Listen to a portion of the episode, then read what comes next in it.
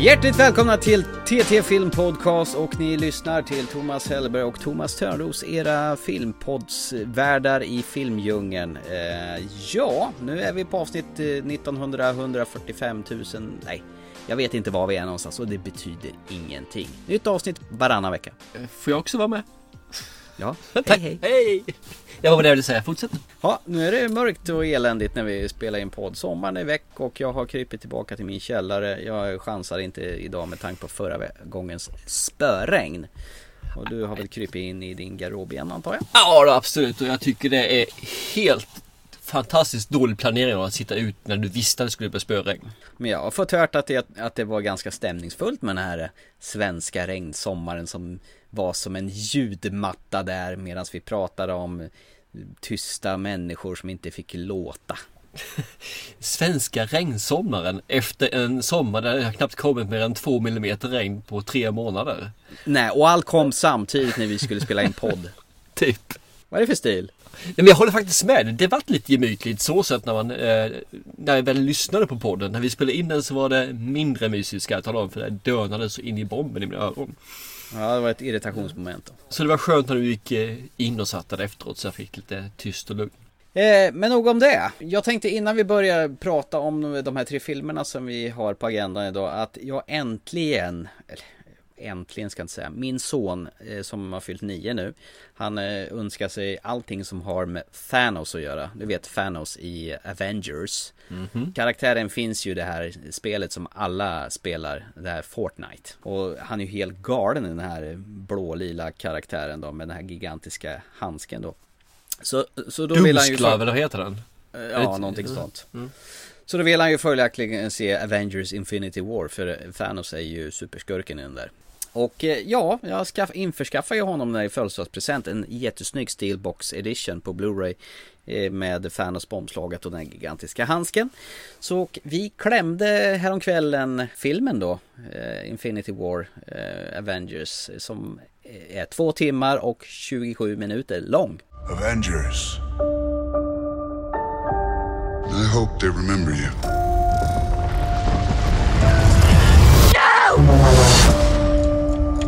I do hope those that survive remember everything.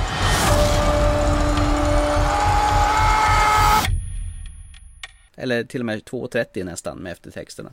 Fy Och inklusive, och inklusive den här slutklämmen i, efter eftertexterna. Det här är bara fyllde på vatten på min kvarn eller hällde bensin på elden. Fy fan vad det här är dåligt. Vad är det som gör det så dåligt då?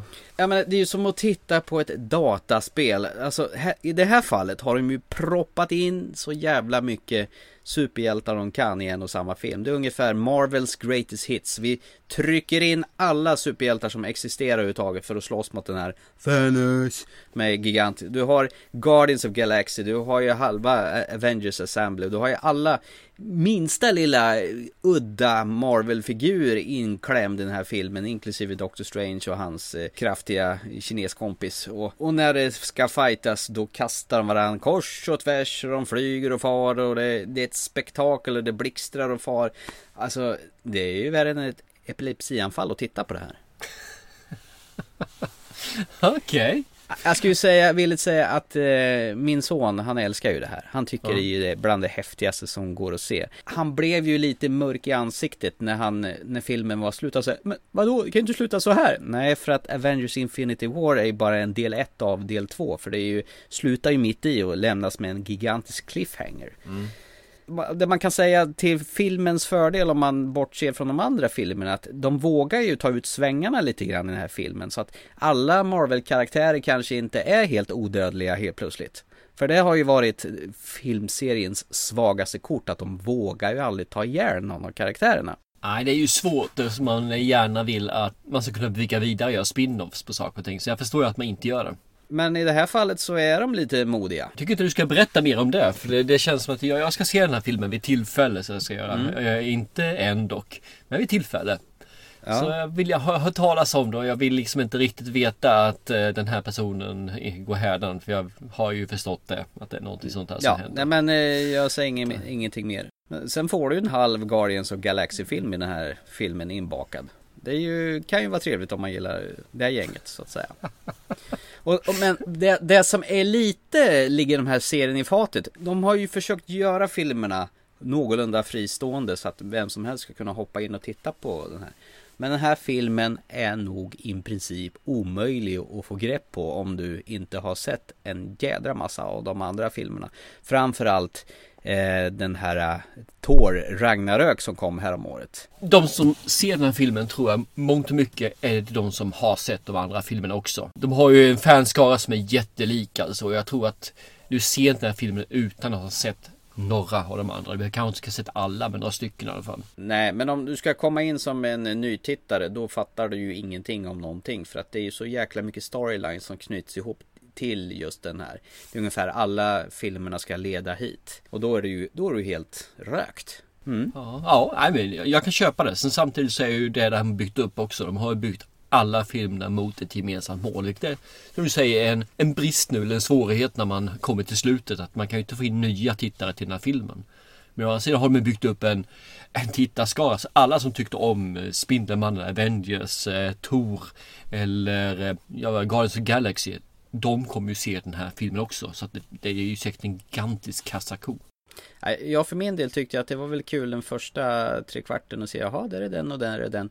Men sen blir ja, det- det blir ganska tröttsamt att se dem banka skiten ur varandra fram och tillbaka och får så mycket stryk och bara reser på sig. Och det, det här dataspelsrytmiken på karaktärerna. Man ser att det här är ju inga riktiga människor överhuvudtaget som åker på stryk utan det är animerade figurer. Jag menar, det är som att glo på ett animerat spel som någon sitter och lirar. Och jag tycker det är inte så jävla lattjo faktiskt. Men men, återigen, jag är inte målgruppen, det är min nioåriga son. Så fick jag sagt det. Bra, nu kan vi gå vidare.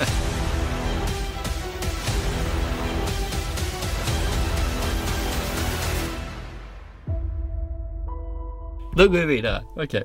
Ska jag hoppa in direkt till eh, första filmen eller? Det kan vi göra. Eh, Kvinnan, tjejen, tonårsbruden som skaffar sig en egen identitet i namnet Lady Bird. Does mom hate me? You both have such strong personalities. For being passive aggressive. you are so infuriating. Stop yelling. I'm not yelling. Oh, it's perfect. Do you love it? I wanted to tell you.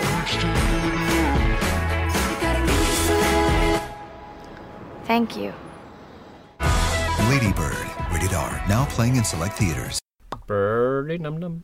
Birdie nam nam. Regissör Greta Gerwig gör här sin eh, första gångs regi. Hon har dessutom skrivit den här historien och Sassoir Ronan eh, som är från ursprungligen född i USA men har flyttat till eh, Irland och har en fruktansvärt grov irländsk brytning som har fått jobba arslet av sig för att inte låta sådant i den här filmen.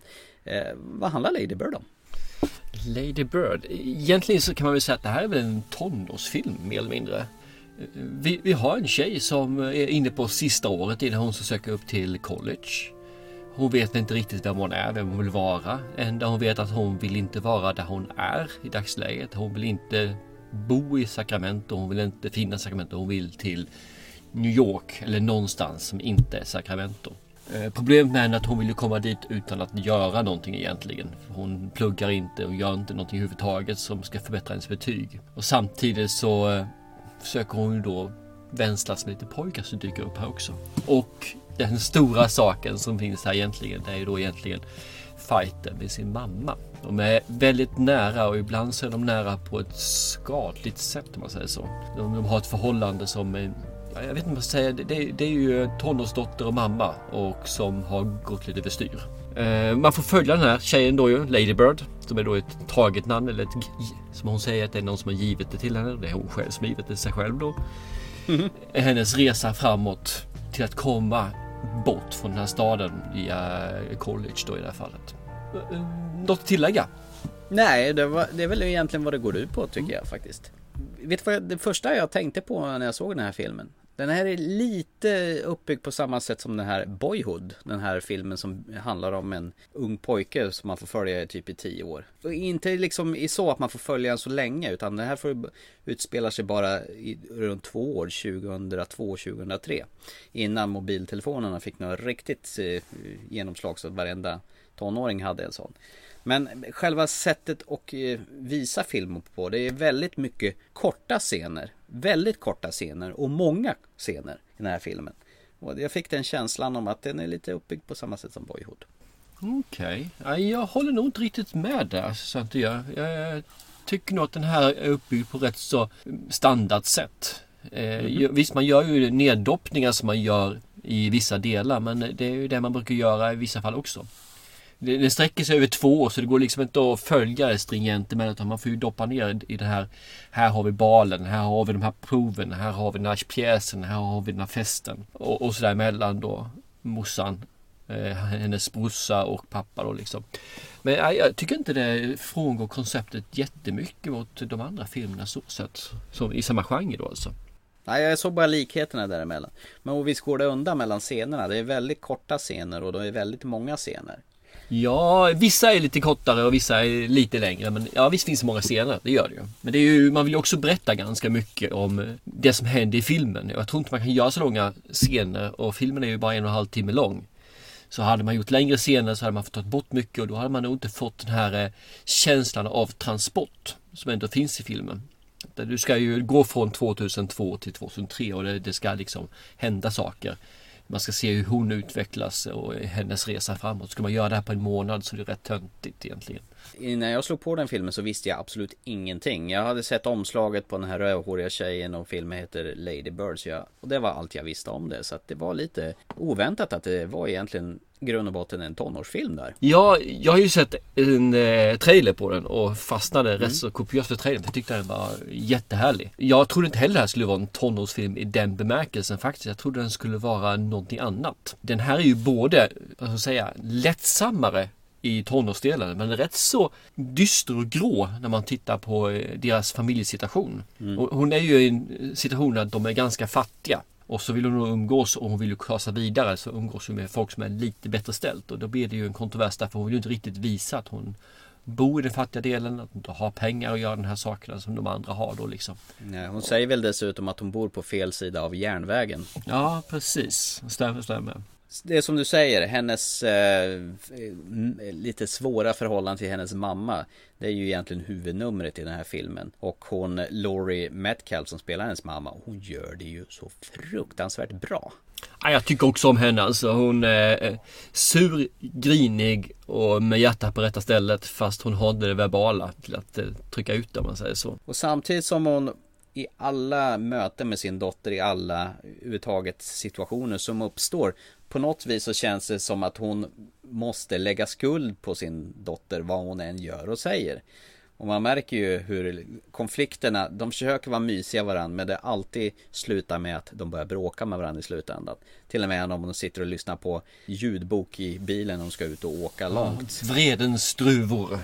Ja, just det. Mm -hmm. Av Steinbeck. Your father's company is laying off people right and left. Did you even know that? No, of course you don't. Because you don't think about anybody but yourself.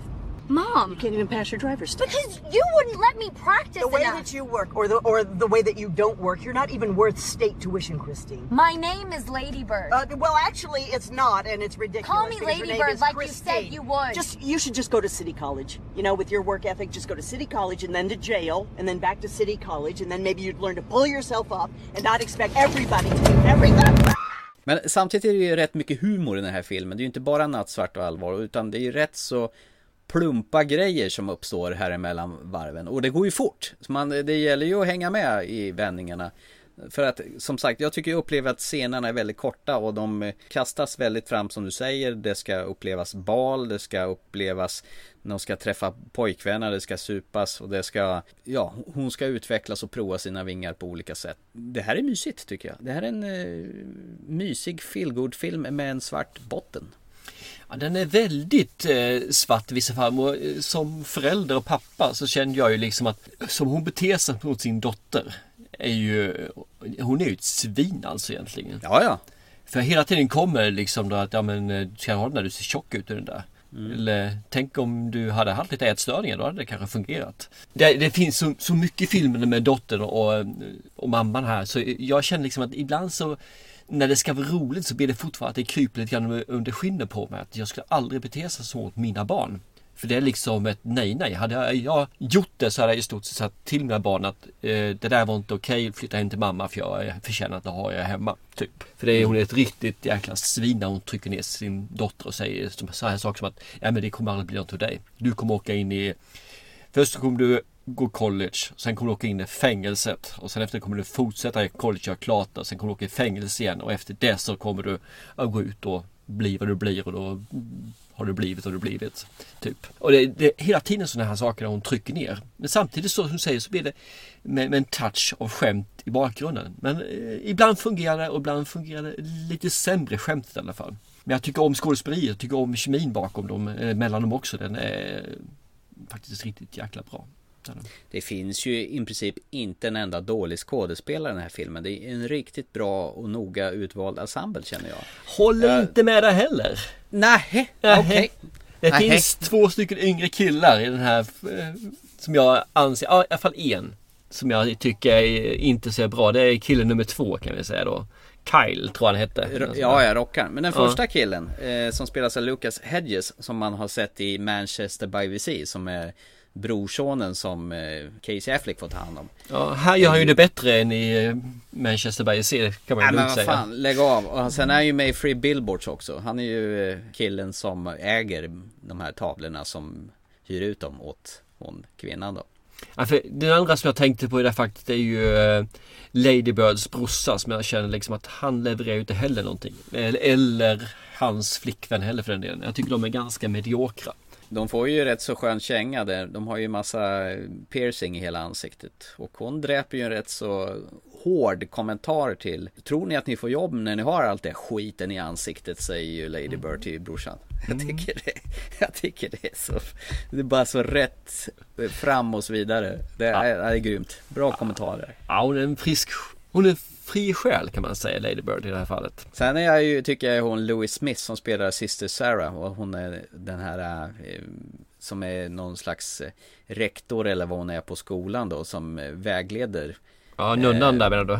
Ja, precis. Mm. Jäklar vad, vilken krutkärring. Men hon har varit med i rätt många filmer. Som har varit också. I ungefär samma roll tänkte jag säga. Ja, man känner igen henne väldigt väl. Fast här är hon ju sju resor äldre kan jag mm. tycka. Ja, jo.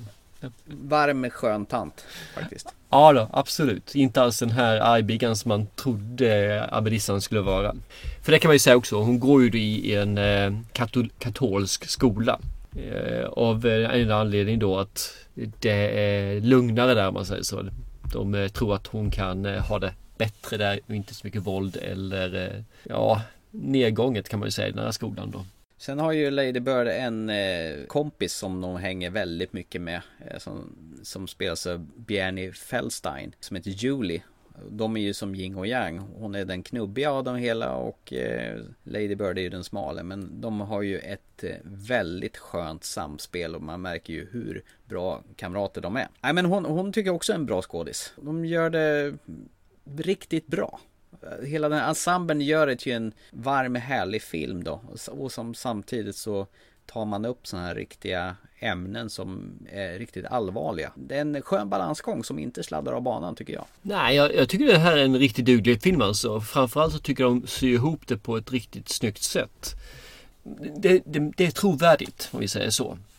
Hon, som karaktär är hon inte trovärdig eh, för hon är ju out of the blue. Men det blir trovärdigt med hela paketet. Om du förstår vad jag menar där. För jag, jag, tycker, jag tycker om det och man, man får liksom, som du säger, det här lite... Det är en, eh, en god film, en, en glad film. Man blir alltså lite eh, pigg och alert i filmen. Man känner lite liksom, vad mysigt. Typ. Så att, nej men jag tycker om den. Så Greta Gerwing, hennes regidebut, den var ju en riktig smaskig film faktiskt. Hon har ju dessutom skrivit filmen baserat på sitt e egna upplevelser i Sacramento. Hon är väl tydligen därifrån när hon växte upp. Nej men eh, jag kan väl bara säga det här är en varm skön film så att eh, ja, det finns ju ingen anledning att inte rekommendera den här. Jag tycker det här var ju, det var en mysig stund faktiskt. Eh, jag tycker nog att man ska inte se den här för komedin. För det finns några saker som är lite kul. Men se den inte för det, se den mer egentligen för resan mellan de här två personerna. Framförallt då Lady Bird och Lady Birds mamma. Jag tycker de två gör merparten av filmen. Sen tycker jag visserligen att det finns en bra vågskål med Ladybirds pappa med. Som väger upp det så det inte blir att det kantrar åt det ena hållet för mycket. Jag tycker absolut det här är en film eh, som är värd att se. Alltså den, den eh, blev inte och var inte det jag trodde och förväntade mig. Men det den levererade var helt okej. Okay. Mer än helt okej okay, faktiskt. En kort, kort, kort boyhood fast girlhood fast bara som sex över två år. Så fick jag det sagt också. Så, nu kan vi gå vidare.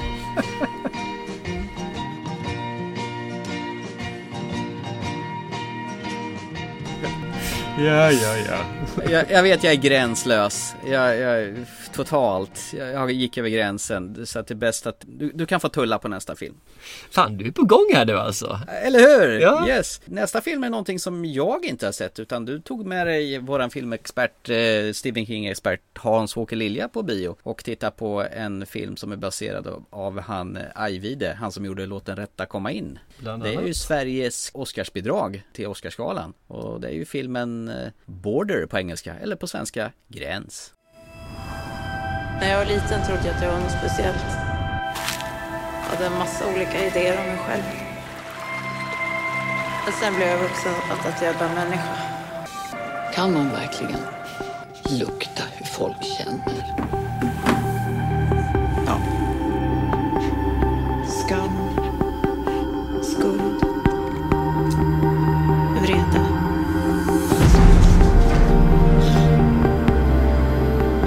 Känna sånt.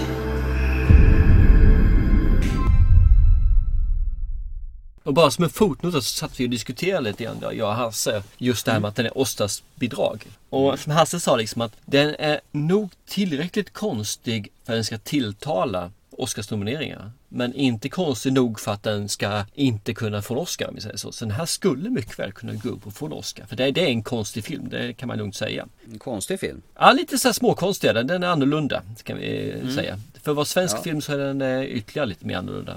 Och jag var tvungen när jag gick ut från biografen så hijackade en av eh, i personalen och frågade Har du sett Gräns? Med på till henne. Nej, sa jag har inte gjort det. Men jag har förstått av alla andra här att jag har en resa att se fram emot. Mm. Mm, det kan jag hålla med om, sa jag. Och så, så var det inte mer med det. Men jag hade nästan hoppats att hon hade sett det som jag pratade med henne. Men ah, ja, Nästa gång, nästa gång. Det är ju konstigt. Ja. Jobbar man på bio då borde man väl se allting som går på bio. Ja, man kan ju tycka det. Absolut. Ja, ja skitsamma. Ja, ja, men. Vad handlar Gräns om då? Eh, det här är ju en, bygger på en novell. Som du säger. Det är ju en sammanställning som jag tror, jag vet inte hur många det är i novellsamlingen där. Men eh, just den här kommer jag ihåg extra mycket för jag tyckte den här var superbra när jag läste den. Jaha, du har läst den? Ja, jag har gjort det. Men får jag en fråga, en fråga innan du fortsätter? Spoilade filmen för dig i och med att du hade läst den? Så att du visste vad som skulle hända, vad det gick ut på? Jag tror att man har nytta av att inte ha sett den, men det spoilar ingenting om man har sett den. Eller spoilar, spoilar, man vet lite grann som inte kommer fram i filmen, men det är ingenting som, som jag tycker förstör upplevelsen faktiskt. Okej. Okay. Mm. Men vi får i alla fall följa en, eh, en tjej, eller en kvinna. Tina heter hon. Hon jobbar som eh, tulltjänsteman. Eller tjänsteman, vad är det? Tjänstekvinna? Ja, tjänstekvinna, man, man, kvinna. Hon jobbar som tullinspektör.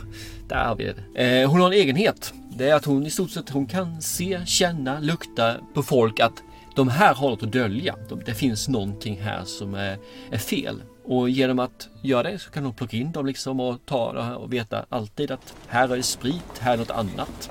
Och hon är liksom hundraprocentig så ingen av hennes kollegor ens ifrågasätter utan det är bara, ja visst. Nej, leta en gång till säger hon ibland och så letar hon och så hittar hon då nästa steg. Ja. Ursäkta? Ja? Det ser fint ut. Tack. Ja, ingen fara. Din telefon, tack. Jag har folk där utanför som väntar. Vill du vara snäll och lägga din telefon här? Varför det? Gör som jag säger bara, vi är snart färdiga här. Vad gör du?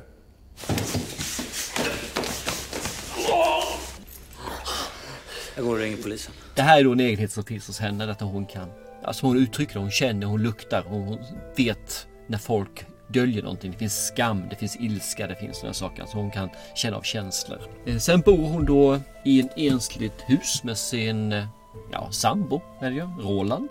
Med sina tre rottweilers som verkligen hatar henne, hundarna. Eh, han är ju ett eh, lite så här konstigt eh, suspekt eh, person som sagt var. Som kommer visa sig lite mer fram i filmen också vad det innebär.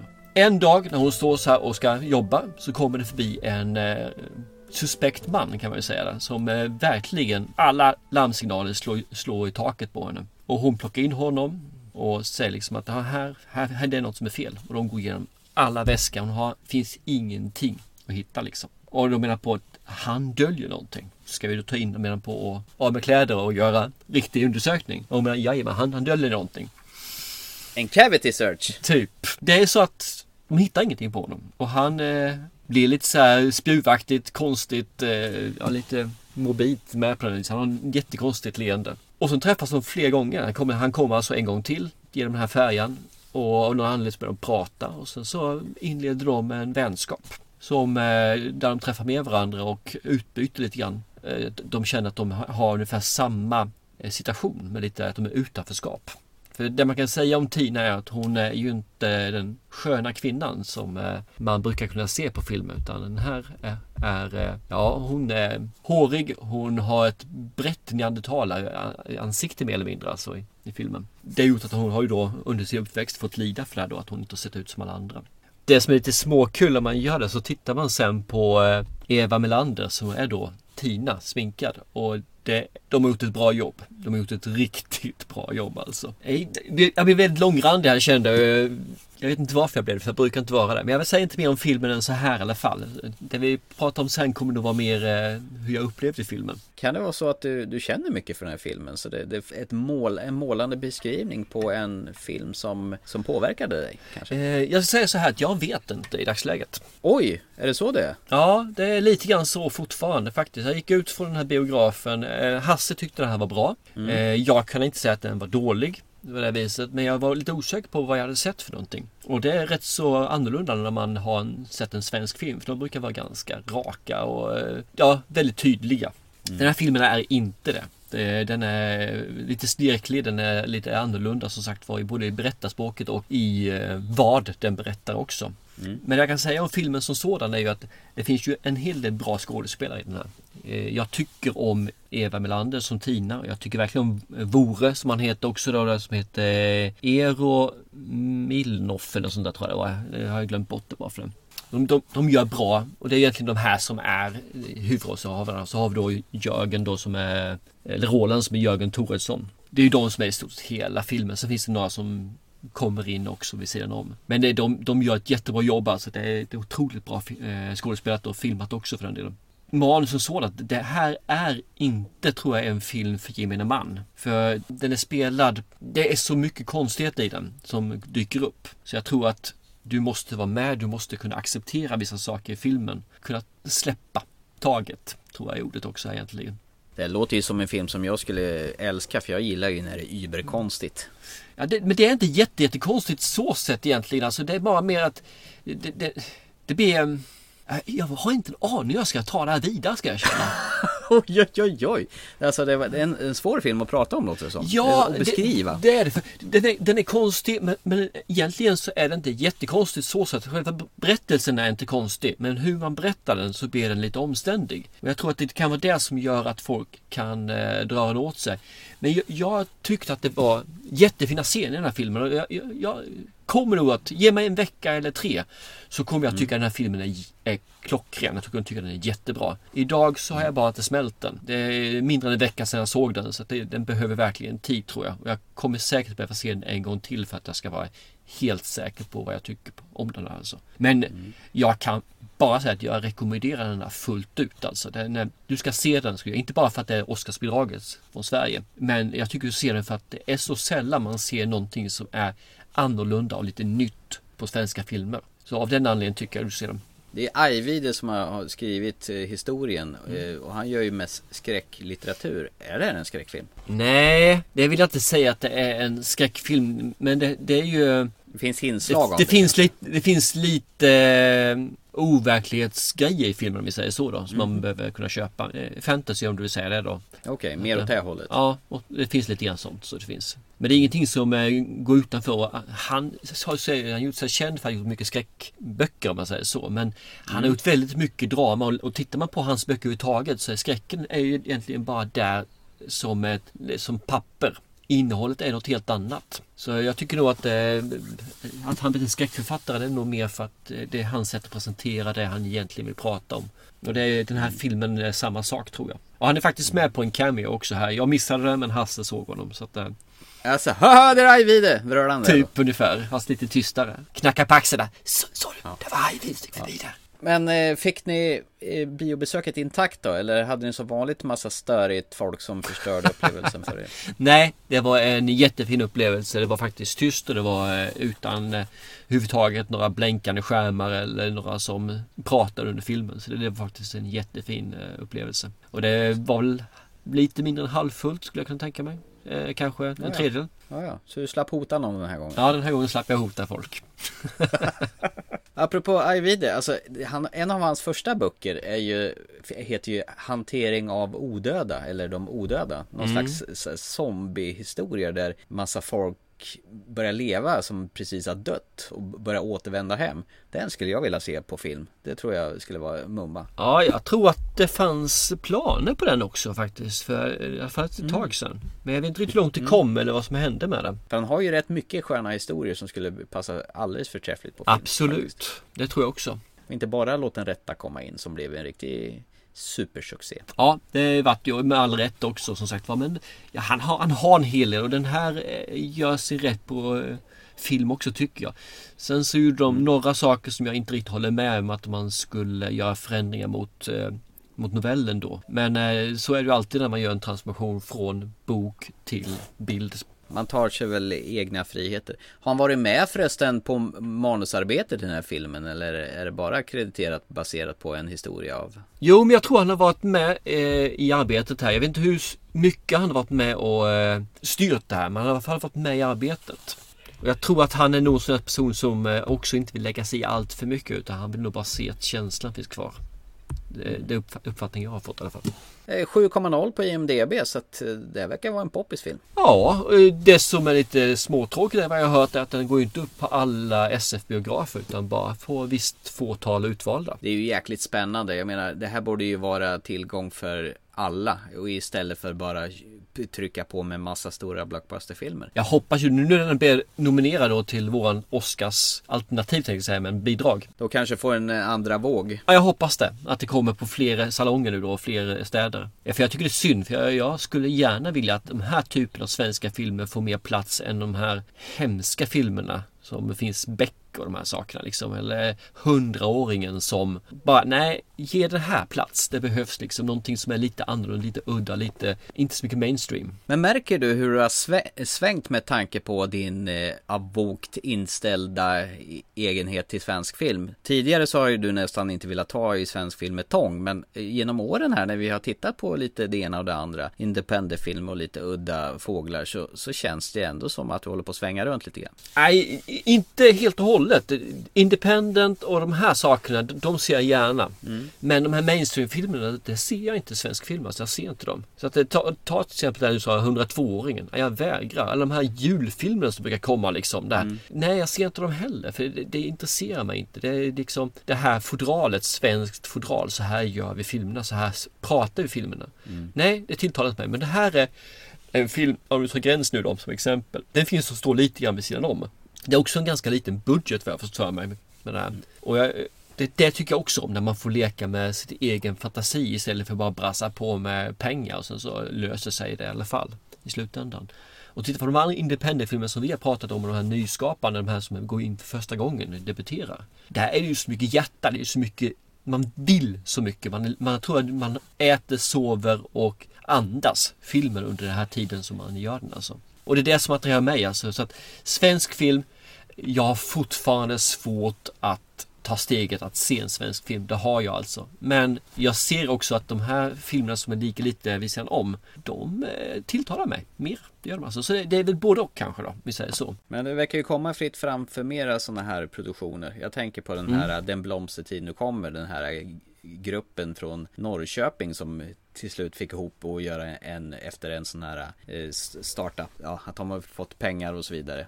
Och lyckas göra en, en svensk action katastroffilm till exempel. Det verkar som möjligheterna finns mera för den lilla produktionen att få plats nu och till och med få upp sin film på bio. Det är ju skithäftigt. Vilket är synd att jag, just den filmen har inte jag sett. Och det vore ju... Ja, det är lite så pinsamt faktiskt. För jag ville verkligen se den men eh, tiden kom inte fram så det får bli lite senare kan jag tänka mig.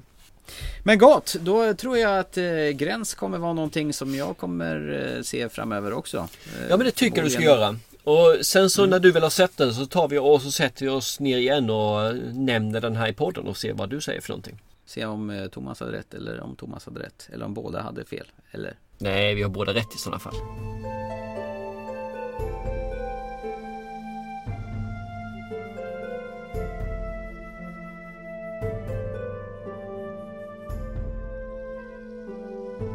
Ska vi gå till eh, dagens sista punkt som är en dubbelbottnad historia. Ja, precis. Mitt uppdrag slash... Thomas Törnros läxar upp sina barn i modern filmkonst. Eller... Eller nummer två. Thomas Hellberg läxar upp Thomas i nostalgins filmvärld. Ja, så kan man också säga. Det här var ju spännande för att det, som sagt den här har vi pratat om åtskilliga gånger i actionavsnittet när vi var ute en sommardag på puben och pratade actionrökare. Vi har nämnt den här flera gånger och du har helt unisont sagt att nej men den här ska jag aldrig se om för att den här får ligga i mitt eh, minne för jag har bara sköna minnen av den här filmen. Eh, men det förstörde jag för dig nu.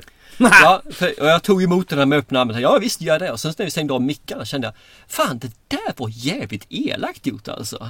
Det var nästan lite svinaktigt ogjort av dig. Ta den här filmen. Du fick lite hat där Ja nästan. lite grann så faktiskt. Jag kände bara Det, det där var inte schysst. Så det var det- jävligt bra att du gjorde en annan approach med det här och drog med dina barn ner i fördärvet. Eller vad vad man ska säga. Ja, vi sitt, satt hela familjen så på den här. They hunted him down. You know, Colonel, we went to a lot of trouble to find you. They murdered his friends. And they took the only thing he would kill for. If you want your kid back, then you gotta cooperate. Right? Wrong. Now, somewhere, somehow, someone's gonna pay. You'll do exactly as he's told. Hasta luego, fellas. You're a funny guy, Sally. That's why I'm going to kill you last. Are you gonna tell me what's going on or what? No. He's the man for the job. Arnold Schwarzenegger, Commando. Let's party. Eh, Handlingen är ju superenkel. Kör hårt. Det, det, Ska vi göra den på, på fem sekunder tänkte jag säga. Handlingen är ju pappa till ett, eller före detta kommandosoldat är pappa till en dotter som han tar hand om. Dottern blir kidnappad. Han måste göra ett uppdrag åt de här bad guys, annars dödar de dottern. Han goes nuts och eh, ska rädda sin dotter. Ungefär. Och säga Punkt. I'll be back. Ja, den kommer ju där också som sagt var. Med alla andra one-liners. Ganska många också. D- till början med den här filmen kan man säga så. Fy bövlen vilket dåligt ljud det är. Ja. De vet ju inte liksom hur man levlar. De har en helikopter som låter som det man står precis bredvid den och sen så pratar de och så får man höja volymen för man hör inte vad de säger för någonting. Ja, det, det, bara den. Och så har du musik som helt plötsligt dundrar in också ibland med världens discoljud alltså. Ja men det är ju jävla calypso-slinger som går. Ungefär som eh, typ Jamaica-musik. Och det är James Horner som har gjort det. Det är ju han som gjorde eh, My Heart Will Go On till Titanic. Men det här måste ju vara alldeles i hans början av hans karriär när han gjorde filmmusik tror jag. Mycket möjligt som sagt. Jag hoppas det i alla fall. Ja. Eh, vad, vad kan man säga om mer om det här? Man kan ju säga att jösses vad ung han var. Schwarzenegger? Ja, fy fasen. Det är ju helt sanslöst. Man trodde inte han hade kunnat vara så ung någon gång. Men, men det var kul. Ja, det var ju under hans storhetstid. Han var ju fortfarande som ett, eh, ja, en ladugårdsvägg när han gick här. Eh, filmen. Den är från 85. Vi tittade givetvis på den uncut. För, för bövelen. ja, precis. Och eh, det, jag tror inte ens man kan få tag i något annat längre faktiskt. Inte. Nej, det var ju Transfer som släppte den Mm. där när den kom på VOS en gång i tiden. Som var totalt sönderklippt. Precis allting som hade med våld att göra var väl bortklippt ur den här filmen. Ja, och den här gången var det ju mest pinsamhet egentligen. För det är ju 11-årsgräns. Ja, ungefär. Nej men allt är ju så jävla over the top så att det är alltid så överdrivet. Så att, och, och sen är det ju humor genom filmen, medvetet. Mm. Så det, jag fattar inte hur, hur de tänkte då, en gång i tiden. Och jag hade ju rätt där i alla fall. Min store son älskade de här sekvenserna när han gjorde de här eh, I let him go. Och vad det nu är mer för någonting. Alla de här one-liners som man har. Så, så gapskrattade du min kära son. Mm. Så han njöt ju verkligen. Och sen så resten av filmen. Ah, nej, kanske inte någonting för honom direkt. Det var några sekvenser som var små. Men det var mer som en komedi den här än egentligen en eh, action. Själv så kan jag väl bara säga att eh, skulle vi inte riktigt lägga upp den på action-topplistan längre, nej. Oj, d- droppar det ner några steg nu eller? Rätt många steg så det är faktiskt. Att, eh, Men eh, det, det är fortfarande lite en skön känsla så det tycker jag av filmen. Det, det är liksom eh, kulturarv på något vis. Jag tycker det är kul att killarna har sett den även om det kanske inte är de här stora filmerna som gör att de ska ha sett för att. Man kan ju roa sig väldigt hårt med den här filmen och leta fel på den. För den är ju proppad med massa sådana här goofs som de säkert inte har tänkt på. Ja visst, och då, man ser ju kablar och sådana saker som... Nej, det finns mycket. Men det ro, roliga är den här faktiskt att det, det var faktiskt planerat en tvåa. Va? Jo, en Kommando 2 var det. Som, de skrev ihop ett manus och hela tiden. Men eh, den skulle då bygga på en bok som heter eh, Last Forever från 1979. Mhm. Men Schwarzenegger sa nej, nej, jag är inte intresserad av att göra den här rollen igen liksom. Det, det, det är inget för mig. Nej. Så istället gjorde man då lite en, eh, om, man gjorde om manuset och man bytte till en ny eh, huvudrollsinnehavare. Och eh, då kom filmen ut 88 med Bruce Willis som hu- huvudrollsinnehavare. Och filmen heter Die Hard. Vadå, är Die Hard en uppföljare till Kommando egentligen? Nej, från, från början så var det alltså eh, Kommando uppföljaren. Men eh, han ville inte ha den så Die Hard blev istället för Kommando 2. Och Bruce Willis blev den stora skådespelaren han blev nu då. Ja, verkligen. Det kan han ju tacka Schwarzenegger för. Ja, absolut.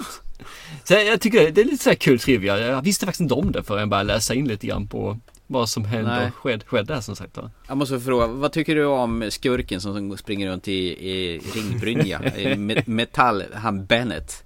Han ser ut som en lundfet Freddie Mercury och har väldigt svassig bögig stil. Han är ju som säger som Freddie Mercury där. Det, det, nej, han, han passar inte. När vi har Schwarzenegger som är den här rippade stora gubben och de här ska vara i samma. Nej, det känns inte riktigt. Det, det, det passar. Men jag tycker det hade nog passat bättre om han hade fått om de hade tagit den första skådespelaren som egentligen var påtänkt att bli eh, istället för Schwarzenegger. Mhm. Vad heter han? Matrix? alltså, John Matrix heter han förresten. Ja, just det, Mm. det är karaktären ja. Mm. Och, kan du gissa vilken det är? Som skulle varit istället för Schwarzenegger. Ja, är det någon precis. Muskelberg det också eller? Han skulle passa bättre ihop med eh, sin, eh, sin motspelare där som bad guy. Om vi säger så kroppsbyggnadsmässigt. Okej, Mm. eh, var det Jean-Claude Van Damme eller något sånt där? Nej, Nick Nolte skulle egentligen ha varit eh, John Matrix. Och då menar jag på ringbrynja, lite fet och Nick Nolte skulle kunna fungera rätt så bra. Men hade det väckt Nick Nolte hade nog inte jag sett den här filmen med de, de rosaskimrade glasögon som jag hade då i somras.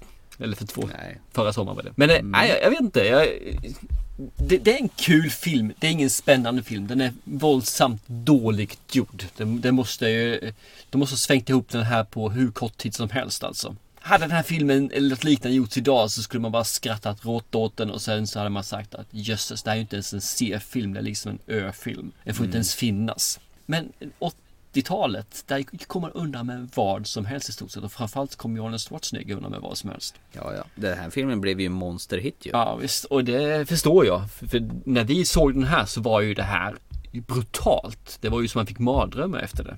Men idag är det ju bara en eh, blaha blaha film. Det är ungefär som Lammen tystnar. När vi såg den så var den jättespännande. Nu är den bara, vad, vad är det som är så spännande med den här? Ja, jag har faktiskt bara sett Lammen tystnad en gång när den kom ut. Inte Oj. därefter faktiskt. Jag tror jag har sett den både fyra och fem gånger.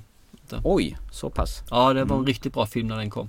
Eh, Jag kommer bara ihåg den här mördaren som stoppar snorren mellan benen så det ser ut som han är en tjej. Mm, jo då, och han det. sp- springer runt naken innan och sen har han någon tjej i något hål nere i golvet. It puts on its lotion, eller vad man säger för någonting. Den ska jag se om vid tillfälle med barnen också, Lammen tystnar faktiskt. Och antagligen kommer jag bli trashad för att det är en riktigt sunkig film som inte händer någonting. Nu har du sett Kommando eh, och den här gången kan jag med ärligt säga och du kommer aldrig någonsin få mig ändra mig själv överhuvudtaget. Det här var sista gången jag såg Kommando. Jag, jag har några funderingar med den här filmen. Hon Ray Dawn Wong som eller Ray Dawn Chong heter hon som spelar Cindy. Mm. Undrar varför, varför hon är med överhuvudtaget i den här filmen. Eh, Varför han skulle ha en skrikande motspelerska som, som är med. Hon har ju ingen funktion överhuvudtaget i den här filmen. Inte mycket med att det ska finnas en vacker tjej såklart, lite romantic Ja. då ju. Men, Men ja, och han hon- förstör hennes bil, sliter ut hennes säte för att han ska synas lite mindre i bilen. Men han syns ju lika mycket för det. Ja, precis. Hon här, hon verkligen vill, hon har hört talas om Schwarzenegger skulle göra den här filmen så sa hon det här måste jag vara med i. För hon visste liksom att det här kommer bli stort. Så eh, det här var ju för henne sätt att komma upp på livet om man säger så. eh, The Big Bucks. Nu blev det ju inte riktigt så i alla fall. Hon har gjort några filmer som har gjort så sätt men eh, inga större. Jag såg en bakomfilm på, på Blu-rayen faktiskt. Då de skämtar ganska mycket om den här filmen. Hon, eh, Ray Dawn Chong, hon menar ju på att Schwarzenegger och han Bennett, Vernon Wells, att de hade något homosexuellt förhållande till varandra. Att de, de var så jäkla mjuka och härliga mot varandra under inspelningen och så vidare. Och de skämtar rätt hårt om det här.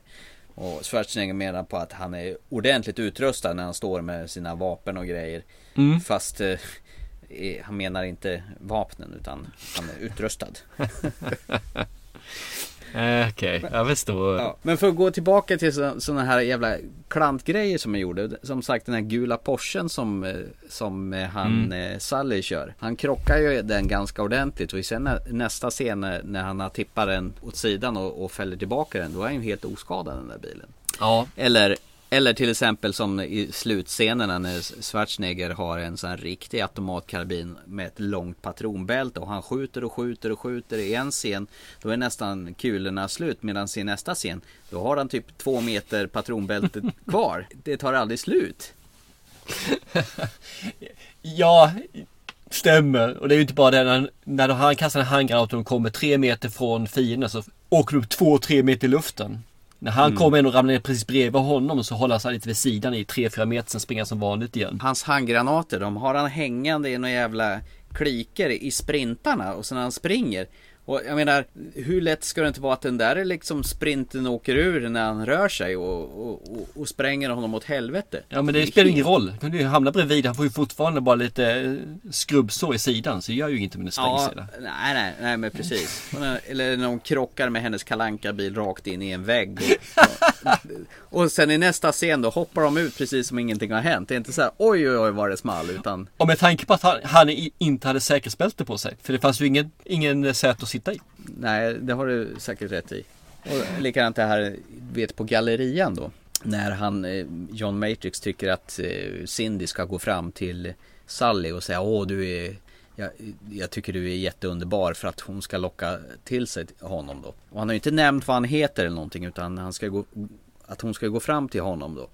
Då har ju han berättat liksom att hans dotter är kidnappad och nu måste vi du måste göra det, du är den enda chansen jag har. Och sen eh, när det har gått åt helvete och i nästa scen de åker iväg i en bil Då frågar de vad är det som pågår? För nu är det massa folk som håller på och skjuter på dem. Och han tänker, nej, tänker inte tala om. Då undrar man, vilken jävla ordning har de spelat in de här scenerna? Har de glömt liksom när scenerna ska komma då? Och när han kastar ner honom för stupet och vad, vad gjorde du med Sally? Eh, I have to let him go. Och han har aldrig talat om vad han heter. Det är sådana här jävla grejer hela tiden genom- den här filmen. Ja, fast eh, det sa han ju mellan klippen. Ja, ja. Det är det bortklipper jag. Ja, Ja, precis. Men, men jag, kan köpa det här faktiskt. De, här sakerna irriterar jag mig noll för faktiskt. Men det är ju Jaha. bara för att när jag såg filmen när jag var ung så var det inte något man tänkte på jättemycket. Och nu när man tittar Nej. på det nu så tänker man bara det. Men det här är liksom 80-talet och det är nostalgi och så här var det. Det, Ja. det var liksom inte bättre än så här. Han du se Bill Paxton förresten?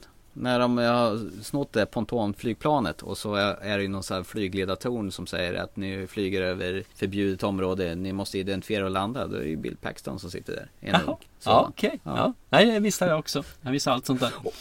Och varför, när de landar, när han eh, ska åka till ön då, så då strippar han av sig alla sina kläder förutom sina svarta små tanga-kalsonger när han ror i land där. Varför måste han göra det för? Innan han tar på sig patronbälten och sin eh, arméväst och målar sig i svarta och det här collaget vet. Ner med kniven, på med bältet och eh, ladda vapnena. Innan dess, då, då är det bara för att flexa hans stora muskler. Om han, han sa det i kontraktet. Jag måste få visa min schyssta härliga kropp när jag ror i land i gummibåten. Jag Och tror- iförd en, Jag tror faktiskt det var tvärtom. Jag tror det var tvärtom. Du ska visa din kropp här för att du, folk får se dina biceps och eh, dina abs liksom. Det, jag tror det var för det alltså. Ja, ja, du menar så.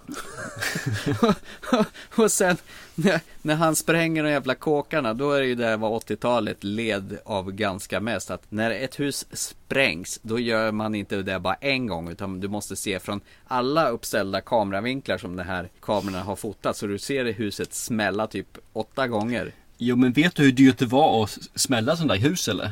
Det måste man Ja, få mervärde för det. Jag tycker du är väldigt hård här nu liksom. Det finns en logik till allt här. det gör väl det.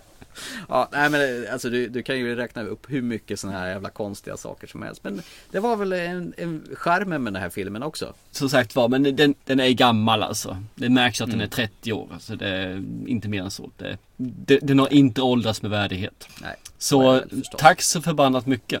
Vad får jag förbannat tillbaka då? Men du, vi kör specialavsnitt nästa gång ju. Ja, just det. Mm. Så vi väntar lite grann med det ja. Nej det gör vi inte alls det. Du ska i alla fall få ett. Jaha, Mm. ska jag, få tänk- i två veckors? Nej. Får jag två veckor på mig? Nej, nej, nej, nej för fasen. Du får en vecka. Nej. Du får. För, för jag vet vilket specialavsnitt det var. Ska vi säga vad det är för någonting? Det kan vi Ja, göra kan va? vi väl göra. Mm. Vi ska göra vårt första avsnitt med eh, som. Vi ska göra vårt första avsnitt med ett ämne som vi fått från en av lyssnare. Mm. Och vi ska prata om film som avhandlar andra världskriget. Oh my god. Precis, så tack Christian. Och då tänkte jag som så här. Du har inte sett en av de mest fantastiska andra världskrigets filmer som någonsin gjorts. Det har jag väl. Jag har sett Plutonen. Mhm. Är det inte andra världskriget? Nej, det är Vietnam. Okej. Eh, Så jag tänkte, det, eftersom du varit del mot mig här nu så ska du få först få en gammal film. Och du ska få en lång film. Och du ska få en film där de pratar tyska. Nej men fy fan! Ah! Ja, ja, jag har ju den står uppe i bokhyllan så det är lätt att se den. Jag antar att jag får Das Båt. Oh yeah! Jag började titta på den där för bra många år sedan och jag tröttnade redan efter en halvtimme. Men det är klart, jag var typ 20 år yngre då kanske. Sen har jag stått där i hyllan och blivit riktigt jädra dammig. Hade du inte gett mig kommando hade du fått en mycket bättre. Men nu ska du fasen ta mig lida. Dashboard is Ja. stort. Ja, ja. Men gott. jag tänkte faktiskt att jag skulle joina dig i ett litet uppdrag. För jag har inte sett en annan film som jag bör se när det gäller andra världskriget. Det är Valkyrie. Den har jag inte sett. Ja, ja. Så den tänkte jag eh, se till det här specialavsnittet också. Ska du fortsätta med Thomas Törnros läxar upp dina barn i din Tom Cruise Odyssey nu eller? Det har jag inte tänkt på faktiskt, men eh, kanske. Vi får se. För ni verkar ni har ju gått igång på den här eh, scientolog hoppande studsmatte-gubben.